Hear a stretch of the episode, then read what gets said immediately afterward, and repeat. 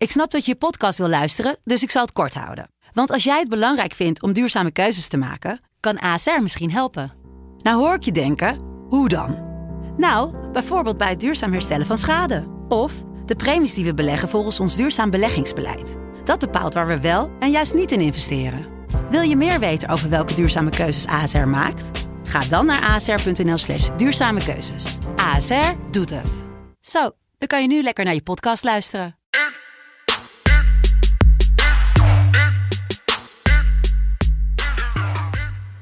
Maandag 28 juni 2021, seizoen 4, aflevering 17 van de Sportzomer van FC Betting.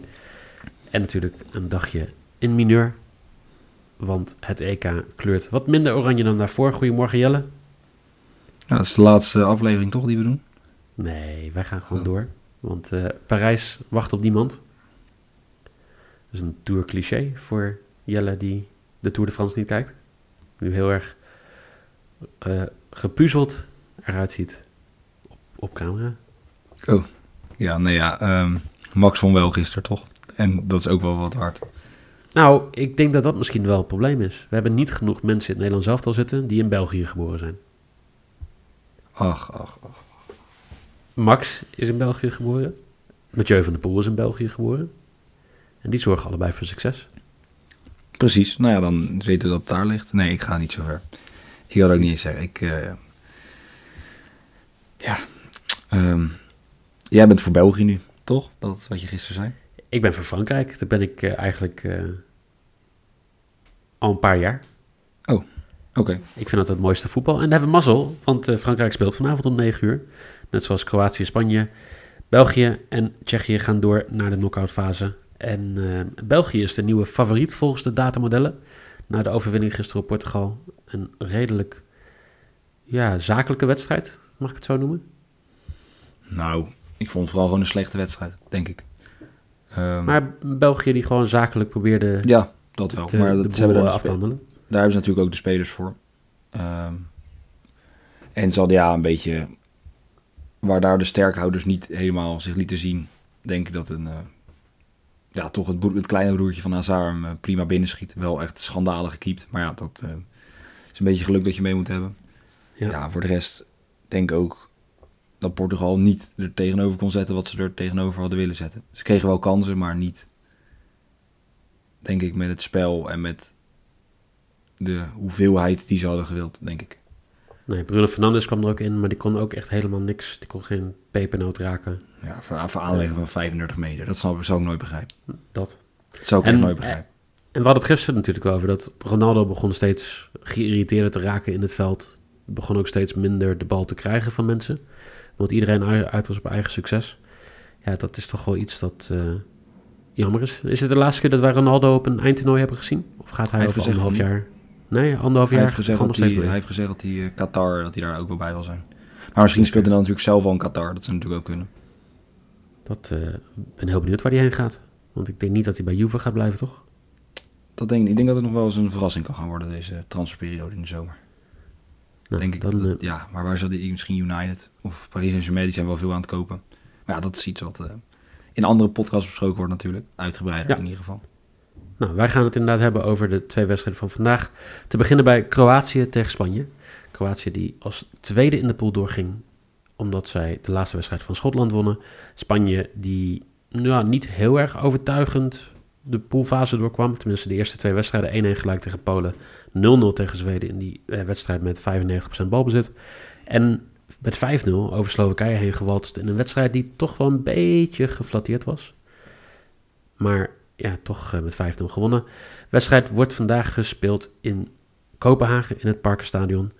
En mijn grote vriend Shakir is de scheidsrechter in deze wedstrijd. Dus eh, ik denk dat ik de wedstrijd niet aan ga zetten.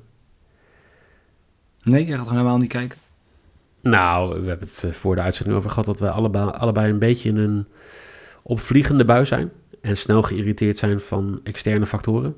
Shakir is wel een externe factor die Ja, dat is wel zo. Ervoor gaat zo. zorgen dat er een afstandsbediening door de tv heen gaat. Er zou, zeg maar, ik heb wel vaak irritatie aan scheidsrechter. Bijvoorbeeld ook eh, die eh, gisteren floot. Eh, Ehm, KRSF, Brie gisteren, die gewoon een dramatische wedstrijd floot. ja, maar in Shakir, Shakir is erger, want Shakir heeft ook die uitstraling nog. Zoals Shakir heeft ook gewoon nog die, dat, dat alter egootje dat, dat, dat om hem heen hangt.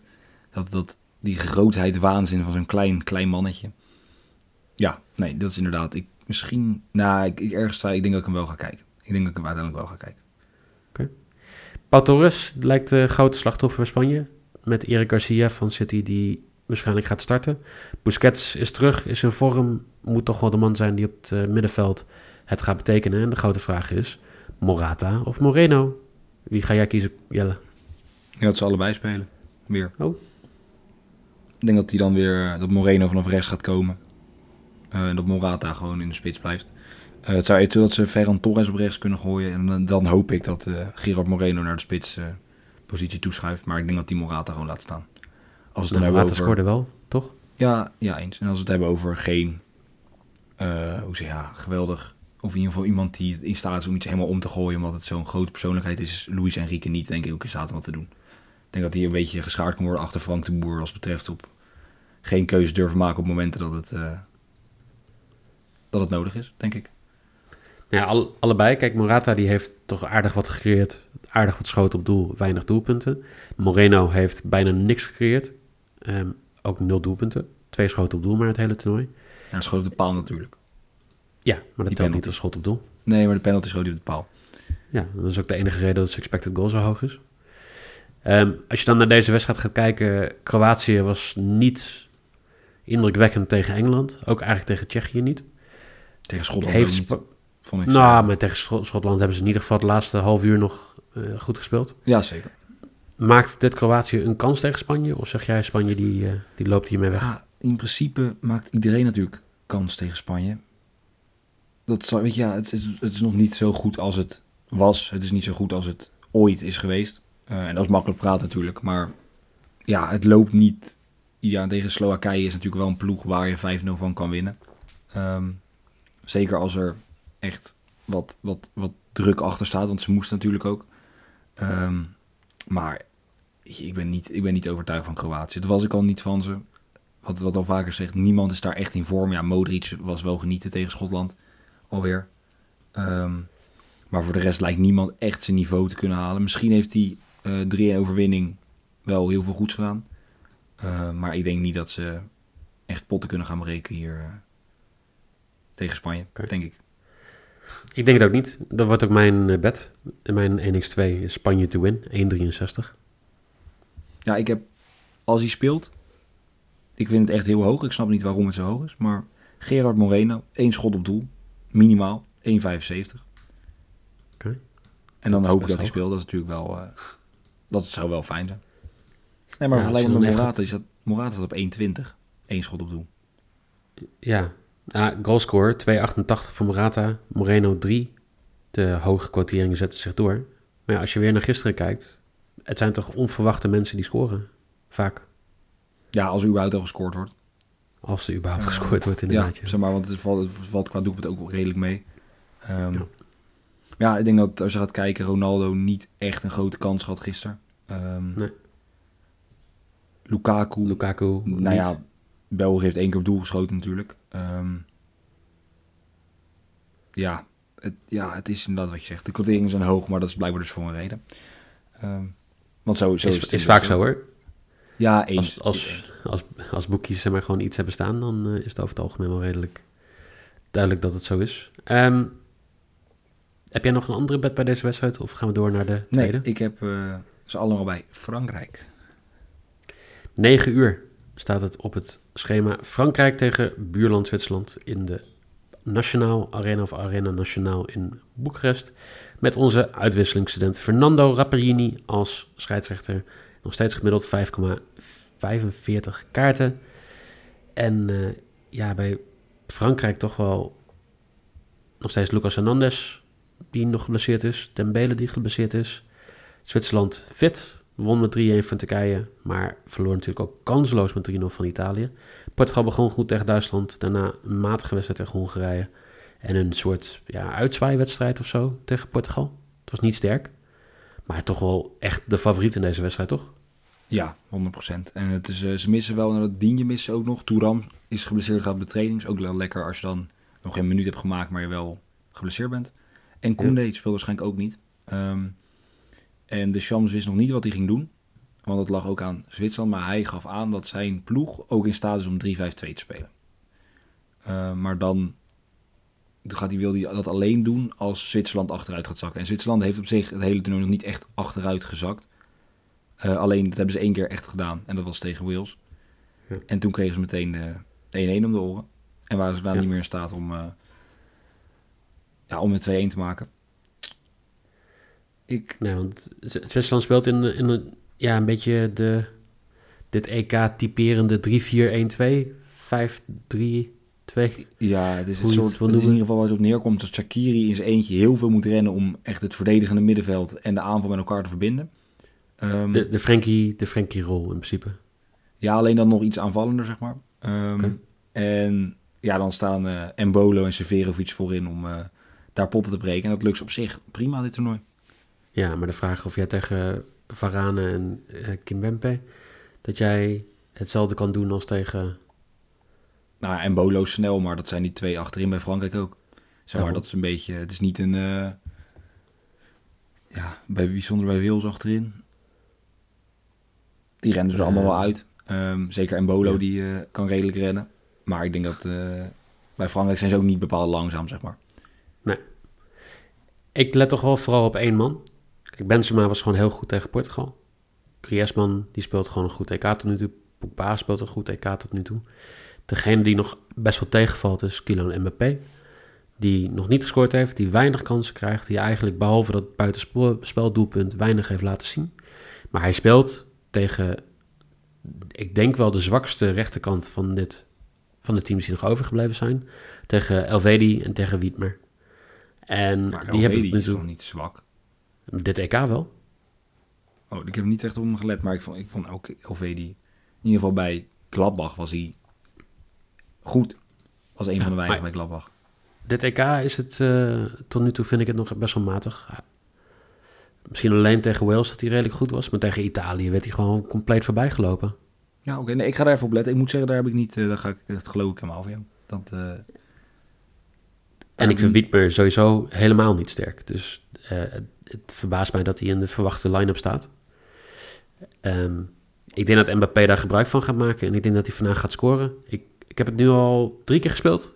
En um, ja, soms moet je gewoon niet opgeven.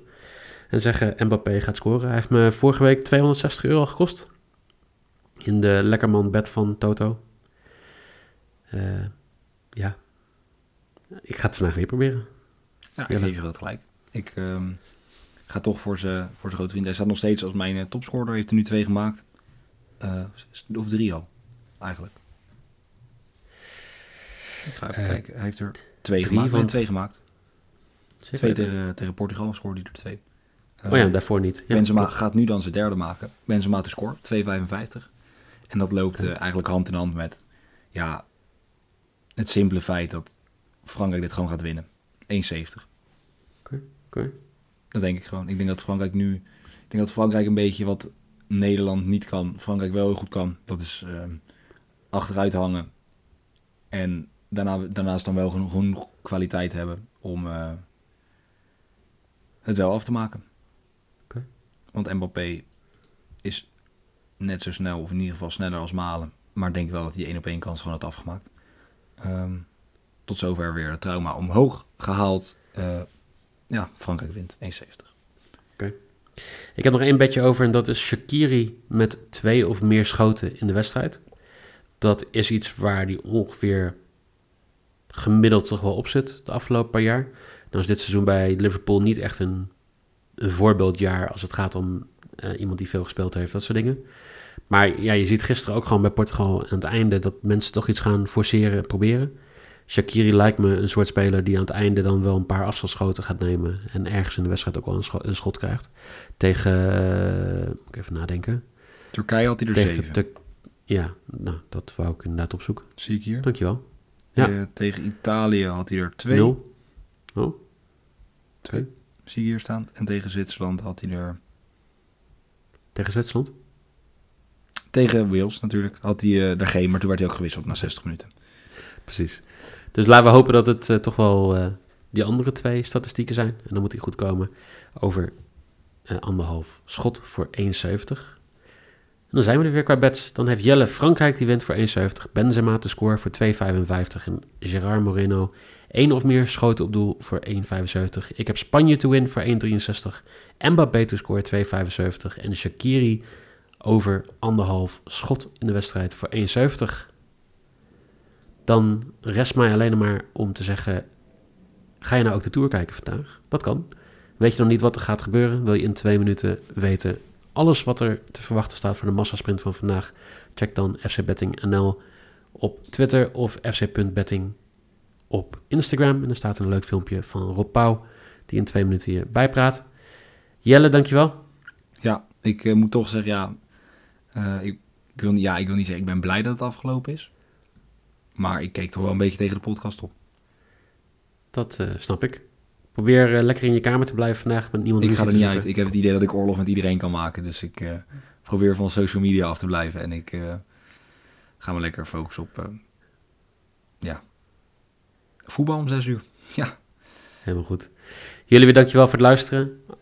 succes vandaag. En dan zou ik zeggen hopelijk tot morgen.